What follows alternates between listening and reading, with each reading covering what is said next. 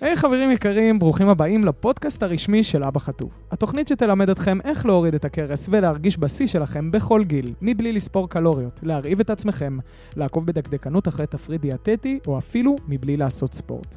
את אתגר אבא חטוב עברו נכון להיום עשרות אלפי גברים בישראל שהחזירו לעצמם את הבריאות והאנרגיה והביטחון העצמי שבאמת מגיע להם.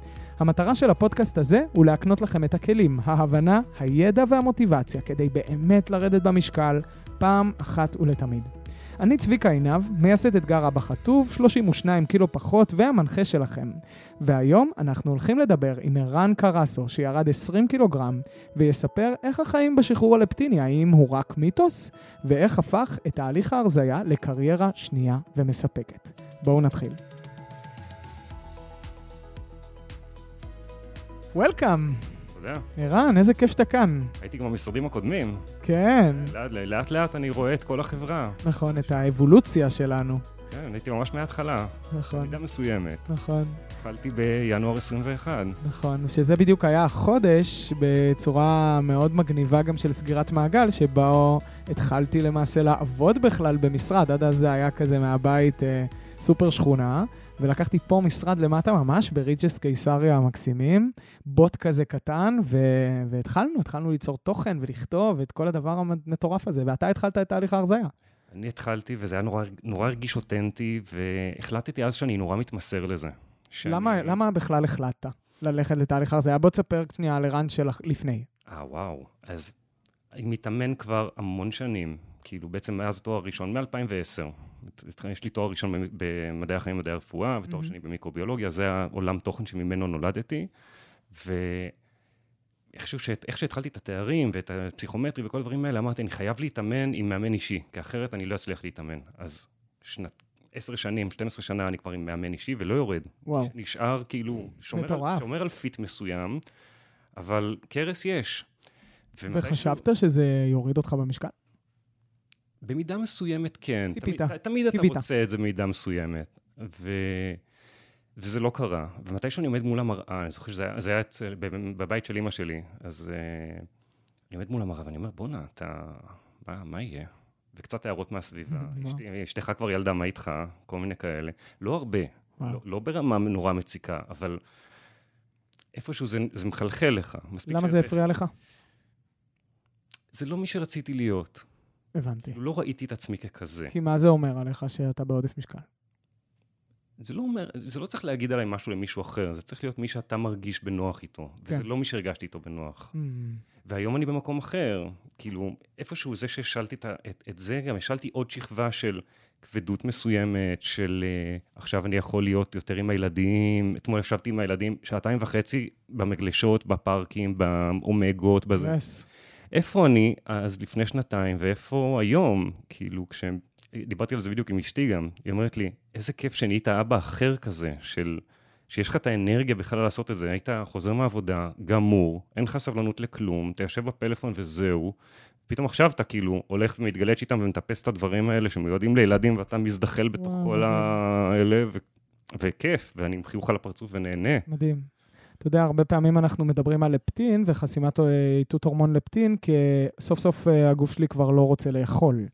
אבל החלק השני של המשוואה זה, גם הגוף שלי מקבל סטופ לאוכל, אבל גם הוא מקבל גו לאנרגיה ורצון אה, לפעול, אוקיי? זה, זה תפקידו של הורמון הלפטין במוח, בסוף. גם לגרלין, אגב, יש הרבה משמעויות. וואלה. הגרלין, המשמע...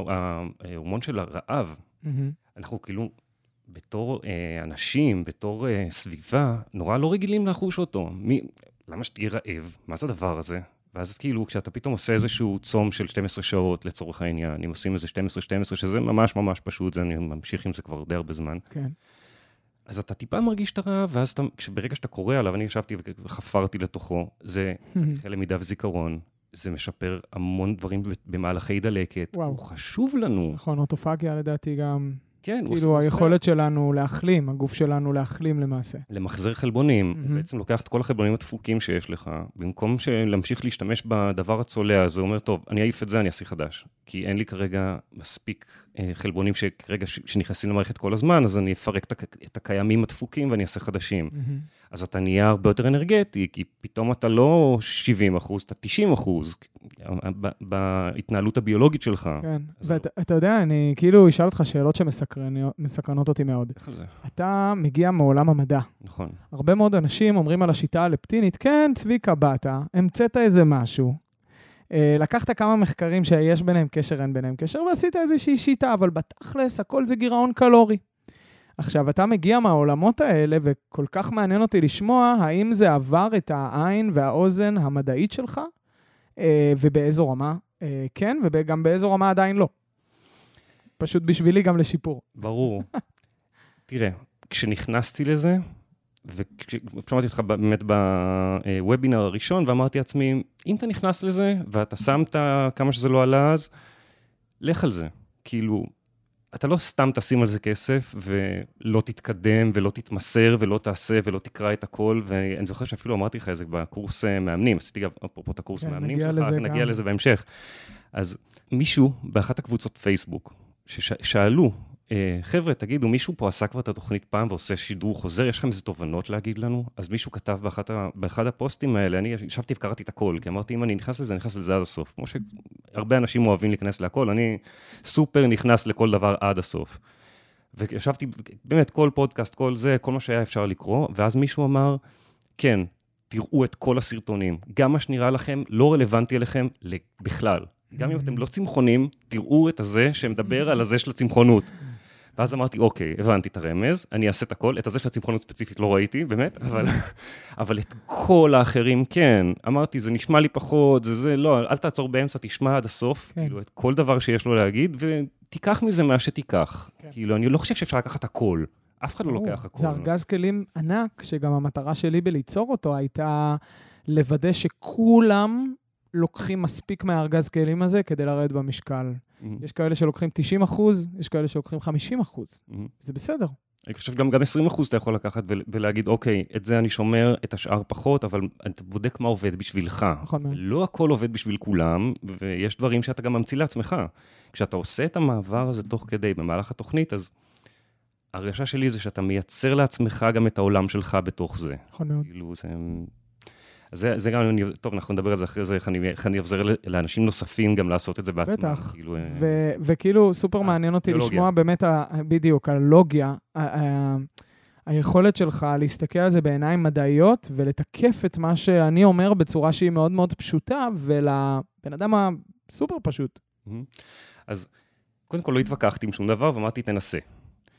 לא התנגש לי שום דבר עם משהו הגיוני שאני מכיר מעולם, מעולם הביולוגיה. אני יותר במיקרוביולוגיה, בחיידקים ובדברים האלה, זה, זה כאילו הספייאליטי שלי שעשיתי בהמשך, התעסקתי עם חיידקים פתוגנים וכל מיני דברים כאלה. גם, אגב, אה, טוב, לא, דיברנו על זה קצת, על דייטו, על הבדיקת צואה שעושים. כן, כן. זה סופר קיצור דרך מגניב שעשיתי. דייטו כן. זה חברה שלוקחת דגימת צואה שלך ומנתחת איזה סוגי חיידקים יש לך במעי. לפי זה הם בונים לך, תפ... לא תפריט, אבל שואל, אתה אומר, אוקיי, איזה גלידה אה, תוציא אותי מאיזון ואיזה לא. Mm. ואז וואו, אמרתי, איזה כלי משלים מדהים, מדהים לתהליך שלנו. כשדיברת על השחרור הלפטיני, בדיוק אז עשיתי את הבדיקה, ואז אמרתי, רגע, אני לא צריך להתנסות עם מאכלים ולראות, זה גורם לי להיות עייף, זה מוציא אותי, זה גורם לי לחשקים וזה. יש לי את כל המאכלים בעולם, mm. מוכנים לי. אז בדקתי, נגיד, גלידת Ben & Jerry's, ניו יורק סופר, סופר שוקולדית ומגניבה. לא מוציא אותי מאיזון, ואני מפרק pint של הדבר הזה שלוש פעמים בשבוע. וואו, הנה, עכשיו הגענו לחלק המעניין. השחרור מדהים. אוקיי. הרבה אז... אנשים חושבים שהשחרור זה איזושהי המצאה שלי. לא. כדי, וואו, מה שנקרא, לתת לאנשים איזה אופק שאף פעם אי אפשר להגיע אליו. ספר קצת, ירדת 20 קילו בכמה זמן? בתוכנית בסיס mm-hmm. בערך 12 קילו, כן. ואחרי זה מתון, קילו בחודש, אה, עד שבאיזשהו שלב אמרתי לעצמי, אוקיי, מספיק. כאילו, מושלם. תעצור פה, איפה שאתה מרגיש בנוח עם עצמך, כי יותר מזה זה כבר... אז לא. כמעט שנה, למעשה, ירדת, אם זה קילו בחודש, אפילו פחות, אוקיי. ו... ואז נכנסת למעשה לשחרור לפטיני. Mm-hmm. תן לי שנייה הבנה של מה זה שחרור לפטיני עבורך. ומה ההבדל בין פשוט לשמר את המשקל החדש? איפה אני... לאכול עוד קצת. תראה, זה תהליך. זה לא שזה קרה איך שהגעתי למשקל יד, בום, שחרר הכל וזהו. זה לא עובד ככה. כאילו, צריך לעשות את זה בצורה מתונה, וגם להבין עם עצמך מה אתה באמת רוצה, ומה חשוב לך לשמר בתוך השחרור הזה. נגיד, פסטות פחות מדבר אליי, פיתות פחות מדבר אליי, כן. קמחים בכללית קצת ירד מה, מהזה, זה היה ארוחת go-to קבועה שלי, להוציא לחמניה מהפריזר ולמרוח איזה משהו. היום פחות, זה כאילו לא ה... אני מבין אותך. לא, לא הדבר שמעניין אותי. כן. תן, לי, תן לי מוזלי עשיר כזה ענק עם מלא פירות וכאילו, ואגוזים. כי אתה מאוזן הורמונלית, אז המוח שלך באמת הולך קצת יותר בקלות למאכלים היותר בריאים, שיותר טובים לך, נקרא לזה. לא יודע אם הייתי אומר שזה רק איזון הורמונלי, אני חושב שזה איזה משו סוויץ' קטן שאתה עושה בראש באיזשהו שלב ואומר, אוקיי, אני מחפש משהו אחר. כן, אם, אני, אם, אם זאת לא האופציה, כשאתה, אחרי שאתה עושה את זה מספיק זמן בתהליך בסיס, אז אתה מחפש את הדברים האחרים והם הופכים להיות הארוחות go-to האחרות שלך. כן. אז ברגע שזה משתנה, אז רוב היום הוא לפטיני, ואז כשאתה מגיע לערב מול הנטפליקס, למה לא? אז תפתח pint Ben & Jerry's, תפתח את האריזות 200 גרם ביסלי במבה ביחד, עוד איזה חפיסת שוקולד, כאילו, זה כל כך מוגזם, אני כאילו, אני מרגיש אחרי זה, בואנה, הגזמת, כמה, כמה shit אכלת עכשיו? ואז המנקה שואל אותי בבוקר, תגיד, אה, אני רואה שאתה אוהב Ben & Jerry's, רק שתדע שיש את החנות מפעל, אם אתה רוצה, תתחיל לקנות שם מסטוקים. וואו. כאילו, אני אוכל המון ג'אנק, אבל זה יושב באיזון מסוים. זה יכול להיות, הג'אנק הזה יכול להיות הארוחה השלישית שלי ביום. הבנתי. ושאר היום אכלתי ארוחה שהיא אה, מאוזנת, אחת או שתיים, ואז הארוחה השלישית יכולה להיות לא מאוזנת בכלל, אבל בסוף הכל אם היא, היא לא מאוזנת, אבל השאר האחרות כן, אז הכל מת, בסוף מתאפס. וואו, מדהים. אז אני חושב שמשהו שהמאזינים שלנו יכולים לקחת מזה, מי שאי שם בדרך, אוקיי? בין אם זה רגע לפני ההחלטה ללכת לתהליך, ובין אם זה בתהליך עצמו ועוד לא במשקל היד שלו. זה באמת את ה vision. כאילו, עומדים פה, יושבים פה, שני אנשים, שאתה יודע, אני ת, תמיד עליי אומר, אני אתמול, 12 וחצי בלילה, אה, במבה נוגת ודונלד. כאילו... לא? כן, הכל טוב. וזה לא אומר שעכשיו שבועיים אני לא אוכל את זה, כן? סביר להניח שהיום, אה, היום ספציפית אני טס להודו בערב, אז יש מצב שבמטוס אולי גם איזה משהו, בשוק... הכל בסדר. וגם אתה מספר על אותו דבר, כאילו, ומאוד חשוב להחזיק את החזון הזה כשאנחנו במהלך התהליך. שהחיים לא הולכים להיות תהליך הרזייה של ימי פינוק ומסלולי חיטוב לעד. זה לא הולך לקרות. יש כן עקרונות שצריך לשמור עליהם. ברור. זה, זה לא שזה פרוץ, כאילו... אנחנו לא רוצים פרוץ, אני חושב. אנחנו לא רוצים פרוץ, כי אחרי זה, אתה באמת, אתה מרגיש שאחרי זה רע עם עצמך, בסופו של דבר. ואז אין לך כוח לשחק עם הילדים, ואז יש לך חצי שעה אחרי שאתה צריך שנץ אחרי ארוחת צהריים, כאילו, יש נגיד, עוד uh, מחירים לזה. אני שנושים בין הארוחות, זה כאילו משהו שהיה לי מאוד קשה איתו בעבר, והיום אני כאילו הרבה יותר שם לב ששם היה קבור הכלב אצלי. למשל. Mm-hmm. נגיד, עכשיו אני עם הילדים בפארק, אתמול הייתי איתם בפארק בשעתיים וחצי האלה, אז הגיע אוטו גלידה והם אוכלים גלידה, ואני אומר, בסדר, יש לי היום ארוחת פינוק בערב, ואשתי ואני חגגנו יום נישואים שמונה. וואו. הולכים למסעדה איטלקית, כאילו, חכה עם זה. כאילו, תתפנק היום בערב על, על קינוח נורמלי, ולא על סתם לתקוע גלידה וואו. עכשיו באוטו גלידה. וזה מחבר אותנו לאיזון ההורמונלי. כן. כי אתה לא יכול ללכת אחרי המחשבה של חכה עם זה. אם אתה בעצמך באטרף למתוק ועכשיו. אתה לא יכול לחכות עם זה. השילוב בין המנטלי, נקרא לזה, והשלבים שלך, שאתה עשית עד לשחרור מלא היום, כמו שנשמע, אולי מדי לפעמים, וביחד עם האמת הפיזיולוגית הזאת, לדעתי, זה השביל של הזהב. כן, אם הייתי אוכל, אם הייתי כל, כל היום בנשנשת כזאת, של עוד עוגיה פה, עוד איזה ארטיק שם, עוד איזה משהו, אז אתה, אתה כל הזמן מחפש עוד ועוד ועוד ועוד ועוד. בטח. אם אתה ב state of mind שלך אומר, אוקיי, אני עושה סטופ. אני מתמסר לזה לחלוטין, ומתי שמגיע לי, מגיע לי. כאילו, כן. אני, אני נותן לדופמין שלי, ל, ל, אני, אני קורא לו שד, כאילו, הוא איפשהו שם, mm-hmm. אבל אני גם נותן לו לצאת. זה לא שהוא כל הזמן מדוכא ויושב... הוא ג'יני או שד כזה evil? הוא evil, הוא לגמרי evil. אבל זה בסדר. כן, זה התפקיד שלו. כן, כן, זה בסדר שהוא איוויל. דופמין זה כאילו הייצוג של הקול הפנימי, מי שעדיין לא נמצא בתהליכים שלנו ולא יודע, אנחנו מנהלים איתו כל הזמן מערכת יחסים כזו. כן, הוא קיים שם, הוא קיים שם בתור איוויל שאומר לך, תפרק כל מה שכרגע נמצא במגירת ממתקים של הילדים, כי כי חיים רק פעם אחת, כי יש את זה רק עכשיו, כי אם לא תאכל את זה היום זה יתקלקל, כל מיני דברים כאלה. סיימ, הילדים סיימו את הארוחה ונשאר קצת פסטה וכזה. אם לא תאכל את זה, אז זה ייזרק. כן. זה כל מיני משפטים שליוו אותי הרבה, הרבה מאוד שנים. וואו. וגם, אני חושב שגם בתור יהודים זה קורה לנו הרבה. כאילו, אתה דור שלישי, דור רביעי כאלה של ניצולי שואה. לא לזרוק אוכל, אסור לזרוק לחם, אסור לזרוק כל מיני, כאילו, אסור לבזבז אוכל. ואיך רגע. אתה בכל זאת רוב הזמן, או חלק מהזמן היום, רוב הזמן בתהליך ההרזיה בוודאות, איך בסוף היית מסוגל להגיד לא, לא עכשיו? אני חושב שזה state of mind. כאילו, הרבה עם המים. כאילו, כששותים מים ורגע לפני שאתה אוכל כל דבר, זה נותן לך איזה 10-12 שניות של... תחשוב האם אני רגע, באמת צריך את זה? כן, מה אתה באמת רוצה? וגם אתה ממלא איזשהו צורך פיזיולוגי של למלא את הקיבה בקצת משהו, ואז ברגע שזה טיפה נרגע, אז אתה יכול לחשוב בצורה קצת יותר צלולה. אבל אתה חייב באמת להקפיד על זה, חייב להתמסר לזה, להגיד, באמת, אני שותה שתי כוסות מים לפני כל דבר שאני אוכל. וואו, אז אתה מתמסר להכל. אתה מתמסר גם לכללים הלפטיניים וגם לתהליך הלפטיני, אבל אתה גם מתמסר לשד. נכון. ואתה נותן לו חופש. גם כשאני בלילה לפני הנטפליקס, אז אני שותה שתי כוסות מים, ואז מתמסר לשד. אבל אני, גם שם אני נותן, כאילו, יש לו, יש לו את המגבלות שלו. כן. הן לא גדולות כשהוא, כשנותנים לו להשתחרר, אבל כשהוא משתחרר, הוא משתחרר, טוב. איזה כיף. טוב, קודם כל אני מאושר שאתה נמצא שם, ואני בעיקר מאושר שהמאזינים שלנו שומעים שזה אפשרי. לגמרי. ומדובר כאן באדם רזה שנמצא מולי. זה לא... אה, איזה אמירה. כן, אתה רזה? אה, אתה יודע, יש כאילו הרבה מאוד האנשים שאני אומר להם, אתה חטוב, אז הוא אומר לי, לא, אבל כן, אבל יש לי איזה בטן, אבל... אתה אדם רזה, אחי. אתה לא בעודף משקל יותר, וזו הסתכלות שהיא כל כך מוזרה.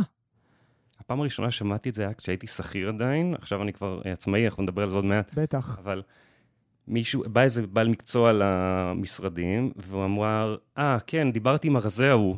וואו. ואז איזה מישהי סיפרה מי לי... מי זה? כן, אמרתי לה, אני? מה, יש פה כל כך הרבה אחרים. אני, אני הרזה ההוא? איזה קטע, כאילו... יואו, אתה הפכת איזה... להיות הרזה ההוא. כן. וואו. וזה פתאום... Mind blowing. Mind blowing, והיא אמרה את זה, אתה יודע, לא חשבה שזה יהיה כזה משמעותי עבורי, אבל זה נשאר לך חקוק כאילו בתור איזה משהו, אוקיי, אז הזהות שלי קצת השתנתה, אני כבר לא הבחור ההוא עם החולצה השחורה. נכון, אני... אז אתה כבר למעשה שנה וחצי בערך במשקל היעד או ב-FGN שלך, אה, אתה כבר מרגיש הרזה ההוא? אפשר להגיד שכן. רובך. כן, כן. כאילו, אני חושב שכולנו כל הזמן איפשהו, מי שהיה שם תקופה ארוכה נכון. בעודף משקל, נכון. קשה לו לאמץ הזהות הזאת ב-100%, אבל אם אתה מאמץ אותו ב-80%, זה כבר הישג מאוד משמעותי. לגמרי. לגמרי, אני מסכים. וזה גם uh, שומר עלינו קצת, כאילו לזכור, אני עדיין זוכר uh, צביקה, המאמן השמן. Mm-hmm. הוא חי בתוכי, אבל ברור לי שאני לעולם לא, לא יגיע לנתק הפנימי ממנו כל כך גדול, כדי שזה יעלה לי uh, במשקל שיעלה בחזרה. אז uh, בגלל זה גם יש ביטחון. זה בסדר שאנחנו קצת עדיין כאלה. Mm-hmm. Uh, בוא נדבר על הנושא שסופר מעניין אותי. אתה למעשה עברת תהליך הכשרת מאמנים בשיטה הלפטינית, שאנחנו קוראים לו Life Changers, משני חיים, mm-hmm. מסיבה מאוד פשוטה, כי, כי אנחנו, פז מרקשטיין, שותפי לקורס ואני, אנחנו לקחנו למעשה את כל הסקילים שצריך... uh, to master כדי לשנות חיים של אנשים, שזה בגדול ה skill הלפטיני, למעשה היכולות המקצועיות להוריד בן אדם במשקל, תוכנית האימונים, מה שנקרא, היכולת uh, להשפיע על אנשים, ה skill האימוני, והיכולת להביא אנשים אליך למעשה לתהליכים אישיים, שזה ה skill השיווקי-מכירתי, mm-hmm. שזה משהו שאותי באופן אישי מאוד, uh, מאוד מעסיק בשנים האחרונות. Uh, תספר קצת קודם כל, מה אתה עושה היום עם זה? כאילו, אנחנו סיימנו את הקורס לפני שנה, mm-hmm. ומעניין אותי איפה אתה נמצא עם זה. Hmm, אז לקחתי בהתחלה Friends and Family, משפחה קרובה, חברים קרובים, זה התחיל מזה שבכלל חבר אחד אמר לי, שמעתי שאתה עושה את זה, אני רואה שאתה יורד, תספר לי מה אתה עושה. אמרתי, יאללה, בוא נתחיל לספר לך. ואז פתחת את הקורס, אז אמרתי, יאללה, אני ארשם לזה, ועוד חברים שמעו, וכזה עשיתי כמה קבוצות של uh, חבר'ה. ווואו, זה ממלא זה. כאילו, אתה נכנס לאנשים למוח במידה מסוימת, כאילו, איזה פתאום חבר קרוב יחסית אומר לי, אה, אני אוהב לשתות uh, שוקו בבוקר. אמרתי לו, אוקיי, מה, מה זה משרת אצלך? אז הוא אומר לי, אני, זה מזכיר לי את הילדות. אמרתי לו, אוקיי, איך זה עוד יכול, מה, מה עוד יכול להזכיר לך את הילדות שהוא לא בהכרח שוקו בבוקר, כי זה לא משרת אותך בתהליך שלך של הירידה במשקל. מה שנקרא הסקילים האימוניים. כן, mm-hmm. אז הוא אומר לי, כן, אז אולי נשחק קצת יותר עם הילדים וכאלה. אמרתי לו, או, יופי, אז ת, תלך על זה. כאילו, תחליף את הצורך הזה של, אה, של להיזכר באיך זה להיות ילד, בזה שתהיה ילד. וואו. ולא תשתה בהכרח שוקו, זה לא, זה לא משרת אותך כמו שרצית. וואו. ואז נופלים לאנשים כל מיני אסימונים על כל מיני דברים בחיים שכאילו הם שנים איתם והם לא בטוחים מאיפה זה הגיע בכלל, אבל ברגע שאתה שואל את השאלות הנכונות, אז, אז משהו נפתח, וזה נורא מספק, כאילו שאתה יכול לעזור לאנשים. אני גם במקביל גם מתנדב באיחוד הצלה, אני עוזר לאנשים רפואית, אז... וואו. אני יודע, עכשיו כבר חזרתי לזה יותר, עכשיו שנהייתי עצמאי, ואני, וזה, וזאת העבודה שלי, לעזור לאנשים לרדת במשקל, אז יש לי יותר זמן פנוי גם להמשיך להתנדב יותר. נכון. זה, זה נורא מספק, נורא נורא כיף. יואו, איזה כיף. זה, אני חושב שזה גם סיפוק וגם כיף, וגם בעיקר אה, גם חופש. כאילו, אתה, בוא, זה לא עבודה של 12 שעות ביום. לא, אבל אה, אני כן... זה יכול להיות עיסוק של 12 שעות ביום שאתה נהנה ממנו. אני מאוד נהנה ממנו. כן. לשבת על הקבוצות וואטסאפ, לדבר עם האנשים. נכון. פתאום בן אדם ב-11 בלילה אומר לי, תשמע, עכשיו אני כאילו בדיוק בדרך לחתונה, בדיוק הגיעו הקילוחים וזה, מה עושים? אוקיי, בוא, צא שנייה, נדבר חמש דקות בטלפון, בוא נסגור שנייה מה אתה רוצה לעשות. כמה קינוחים אתה רוצה לאכול? בוא נדבר על זה רגע. לא, אל תתפרע על הכל, תבחר את האחד הכי טוב שאתה רוצה, ותפרק אותו וואו. בכיף, תהנה עם כפית, תהנה מכל ביס, ותעצור שם. ואז הוא אומר לך, וואו, תשמע, עשית לי סדר. ואז אתה אומר, וואו, עזרתי למישהו עכשיו, בדיוק בחלק שהיה הכי קשה לו, ופתרתי לו איזה משהו. בטח. וואו. ותגיד, אה, זה השפיע לך על המוטיבציה שלך לתהליך האישי שלך של ההרזייה? לתהליך של הירידה במשקל? בטוח. איך? אני כל הזמן בתוך זה. כאילו, כמה, כמה אתה יכול, כאילו, אתה גם עושה דוגמה אישית מסוימת. כן, אה, הבנתי, אתה מרגיש את מה שנקרא רול מודל, איזשהו מודל חיקוי של החבר'ה שאתה מלווה אותם. שזה כיף במידה מסוימת, אבל גם בעייתי במידה אחרת. ספר לי על זה. כן, אתה מגיע לחתונה של חברים, כולם יושבים, כולם עשו אצלי את התהליך, ואז כולם מסתכלים לי בצלחת, מה הוא לוקח? אה, ואז כזה, אתה אומר, אמ, אוקיי, הגעתי לנקודה הזאת, קטע מעניין. טוב, בסדר, תתפרע וזהו, תאכל מה שאתה רוצה, כי אתה בשחרור, מה אתה צריך עכשיו את זה? נכון. אמרת שזה ארוחת שחרור, אז ארוחת שחרור. הם שיסתדרו, כאילו, ואני גם אומר לכל המתאמנים שלי, גם האלה שקרובים, אני אומר להם, ביום-יום, אם אנחנו נפגשים סתם ככה ברחוב ואתם לא צריכים אותי בתור מאמן, אני לא אגיד לכם כלום. אתם צריכים את הדרך שלכם. אבל אם אתם צריכים את העזרה, פשוט תפנו אליי ואז אני אעזור לכם. כן. אבל אחרת אני כאילו, אני לא שם. כן, כאילו, נותן להם את החופש הזה, כן. להיות חבר שלך, כאילו, לא צריך כל הזמן להיות uh, שוטר סביב הצלחות שלכם. הבנתי, נכון. אני חושב שזה מאוד מאוד חשוב, זה גם תהליך שאני עברתי מטורף. אתה יודע, כל מקום שאני הולך, אנשים מסתכלים לי בצלחת, והרבה פעמים uh, החלק המורד שבי דווקא אומר, כן, אתם מסתכלים לי בצלחת? יאללה, אני אקח את הכי זה. כן, תתפרע עוד קצת ונראה להם מה זה שחרור. כן, בדיוק. דווקא ה role model זה לא אני אוכל כל היום סלט ירוק וחלבון יבשושי, אלא אני מתפרע ואני נהנה, ואני גם לא פנאט, כי המטרה שלי זה לא שמונה ריבועים בבטן, זה, זה מקסימום חופש במינימום חוקים. זאת המטרה. של והנאה.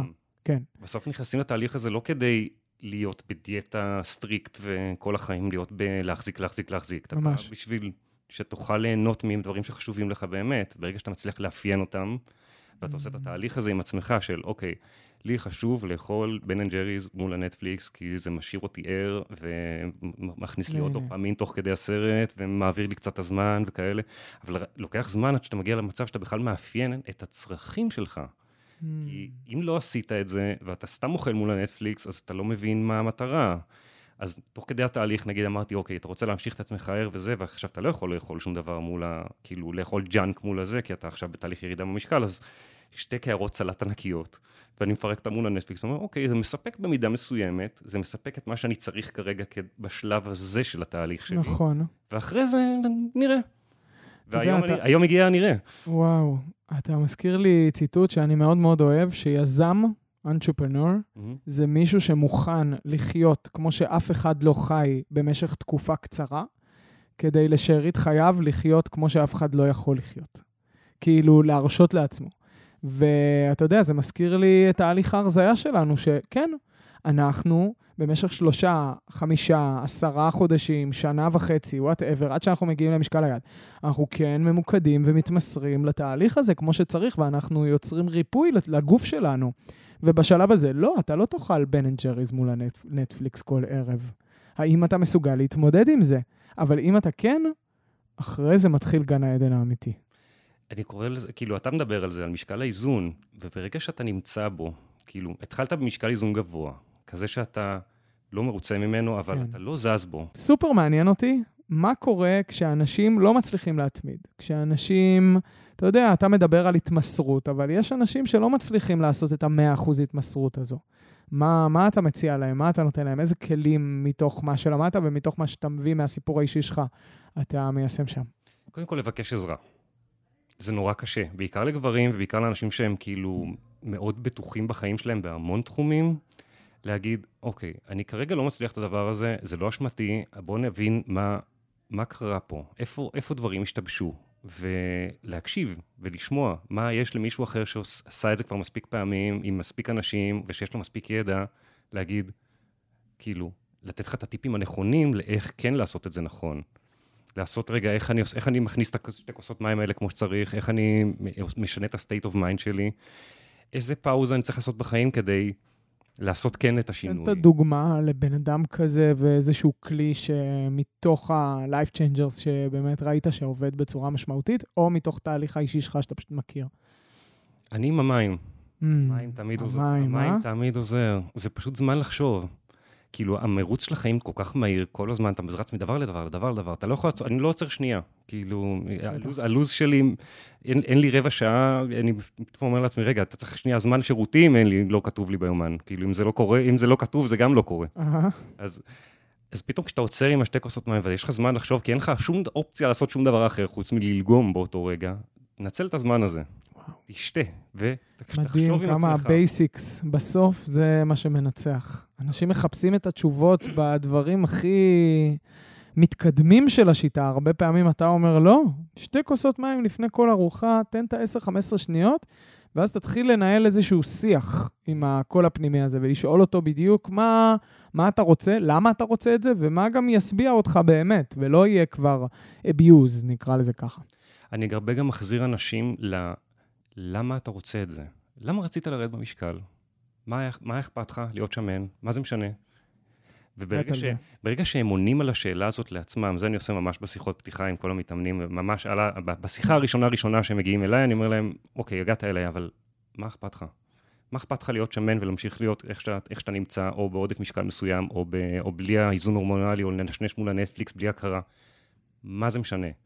וברגע שהם עונים לעצמם על השאלה הזאת, יש להם את המוטיבציה הבאמת בוערת פנימית שלהם, לא שלי, מה כן, שהם בחרו לעצמם. אתה לא מנסה לשכנע אותם, אתה לא, יודע, הם... עם שאלות להוביל אותם למוטיבציה שלהם. הם משכנעים את עצמם למה הם בול. צריכים את זה. אז כשהם יוצאים מהאיזון, והם אומרים, וכאילו פתאום זה לא הולך להם כל כך, אני אומר לו, תחזור, תחזור רגע ללמה. למה רצית את זה מלכתחילה? האם... מה, מה, מה, מה הוביל אותך בכלל להתחיל את זה? ברגע שתחזור לזה, ואני כותב להם את זה תמיד, הם, תוך כדי השיחה איתם, כותב להם, תמלאו רגע את הסיבה שבגינה בכלל נכנסתם לדבר הזה. ואני ממלא את זה בשבילם, כאילו, תוך כדי השיחת טלפון, אנחנו, מנהל להם את זה, ואז זה כתוב להם. אז אני אומר לו, תחזור רגע. בואו, מצטט להם בוואטסאפ את התכתובת הזאת של למה הם התחילו את הדבר הזה, ואז, אוקיי, סבבה, אני מבין, אני מבין למה אני רוצה את זה. אני חושב שאנחנו כולנו צריכים ללמוד ברגעים שבהם אנחנו לא מתנהגים כמו שרצינו, אה, בפן התזונתי וגם בכל תחום אחר לדעתי.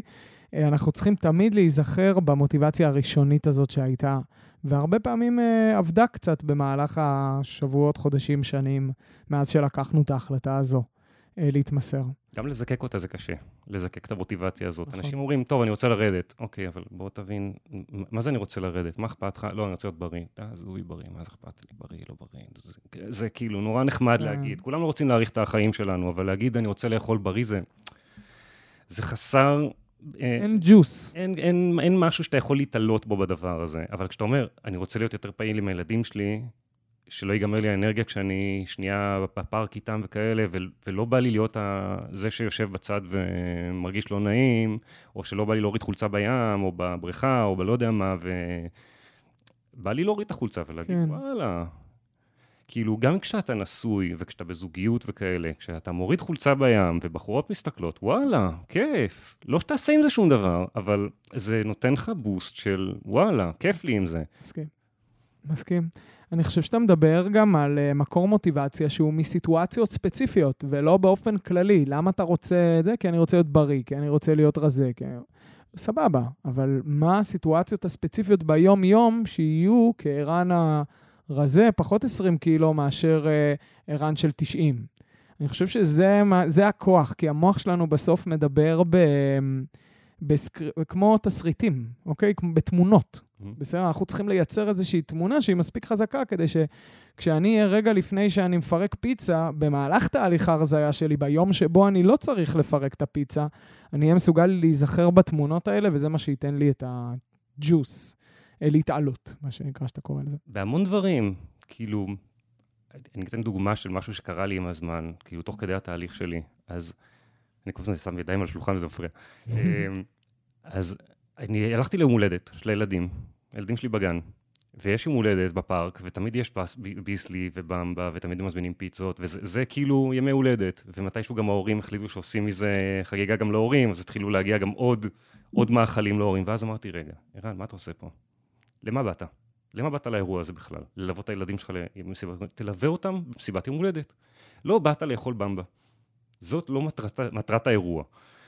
וברגע שנפל לי האסימון הזה, אז אמרתי, אוקיי, בירה אחת, סבבה. אם בא לך שזאת תהיה הבירה היומית שלך של זה, אז לך על זה. כאילו, אם לא בא לך, אז גם בסדר. רוצה לשבת עם לקשקש עם איזה אבא, כאילו, על כוס בירה, מגניב. אבל לא באת לפה כדי לאכול עוגה, או כדי לשת... לאכול פיצה, או כדי, כאילו, לא בשביל אני זה... מת על איך שאתה מדבר עם עצמך. אני ממש אוהב את זה. אני חושב שאתה מאמן מאוד טוב לעצמך, בראש ובראשונה, לפני שאתה מאמן טוב לכל המתאמנים שלך. תודה רבה. וזה גם מה שהופך אותך למאמן טוב. כאילו, אתה מסוגל to, influence, to influence yourself. Uh, אתה מסוגל להשפיע על עצמך לפני שאתה הולך ומשפיע על אחרים. וגם בא לי להגיד שלא צריך להיות life changer ולעשות את קורס הכשרת המאמנים בשיטה האלפטינית כדי לעורר השראה באחרים ולרתום את הכוח המוטיבציוני המטורף שקורה ברגע שאנחנו מסכימים להיות מודל לחיקוי עבור מישהו אחר. גם אם זה מישהו שנכנס לתהליך ואנחנו פשוט רק מחזיקים לו את היד בדרך בזמן שהוא צופה בסרטונים היומיים ועושה את הדברים ועובר את התהליכים. יש לי כל מיני חבר'ה שלך שאני מאמן גם uh, על, על הדרך, שפנו אליי דרך המגדל הורים, שאני מלווה גם קבוצות ש, של uh, חבר'ה שנרשמו אצלך, כן. שפנו אליי באישי, לא הרבה, כן, אבל יש איזה שניים, שלושה שאני מתכתב איתם אחרי שסיימו את התוכנית, וגם עוד נותן להם את הבוסטים האלה הקטנים של פה ושם. וואו, ואין לי ספק שזה משפיע עליך ישירות, על היכולת שלך, אתה יודע, לחזק את הזהות החדשה של ערן הרזה הזה. של, יש לך איזשהו מטבע חברתי חדש. כן. אה. כאילו, זה, אתה מגיע לארוחת שישי, ואנשים שואלים, מה זה הלחם טחינה הזה? מעניין. אני כזה, כן, אז יש לי פתאום מתכון. היי, מי, מי אני? אני? מתכונים? אני לא יודע להכין חביתה. איך, איך פתאום אני מכין לחם טחינה שכולם מתלהבים ממנו? וואו. זה כאילו, סוויץ', אבל אני אומר, אחי, זה לוקח שלוש דקות. כאילו, זה לא, לא איזה משהו מאוד מורכב. אז למתאמנים, עכשיו הכנתי את התבנית אינגליש קייק של הלחם טחינה עם פיתה, שהדבקתי את המתכון על, על הזה, ואני שולח להם את זה מתנה. מגניב. אז, אז פתאום הם שולחים לי חזרה את התמונות של הלחם טחינה מוכן עם, עם אותו אינגליש קייק שהבאתי להם מתנה. וואו. אז זה, זה אדיר, אתה נותן להם כלי. כלי נורא פשוט, כי זה באמת, באמת שלוש דקות הכנה, ואני עושה להם סרטון של שלוש דקות איך מכינים את זה, והם רואים, הסרטון לוקח שלוש דקות, אז וואו. זה, זה נגמר. אני מת על זה. עכשיו, אה, אימא של אשתי כל פעם אומרת לי, ארוחת שישי, אה, אז אתה מביא לחם טחינה. אני כזה, כן, כן, אין בעיה. אה, וואו, טוב, בסדר, יש לך כבר את התפקיד, מה שנקרא. כן, ופתאום יש... וזה המטבע החברתי הנוסף. כן. כן, אדיר, אני מת על זה. חושב שדיברנו על כל כך הרבה דברים חשובים בפרק הזה, אני הייתי רוצה כאילו לארוז שנייה, כדי שלאנשים יהיה באמת את התובנות המרכזיות. הראשון שעלה לי זה ההתמסרות, באמת, היכולת שלך להתמסר לתהליך ההרזייה בראש ובראשונה, בהתחלה, ואז, ובאמת, את כל הדפי תכלס ואת כל הסרטונים, וגם מה שאני מצקצק עליו, וגם מה שאני לא חושב שרלוונטי אליי וכל הדבר הזה, כלומר, לבוא מאוד מאוד צנוע ועם היכולת להקשיב וללמוד. אה, והיום שאתה באמת גם מתמסר לתהליך השחרור ואתה לא פוחד לשחרר, כלומר, יש לך יכולת התמסרות כפולה. מת על זה. אני חושב שכל אחד היה מאוד מאוד אה, נתרם בתהליך שלו אם הוא היה במקום הזה.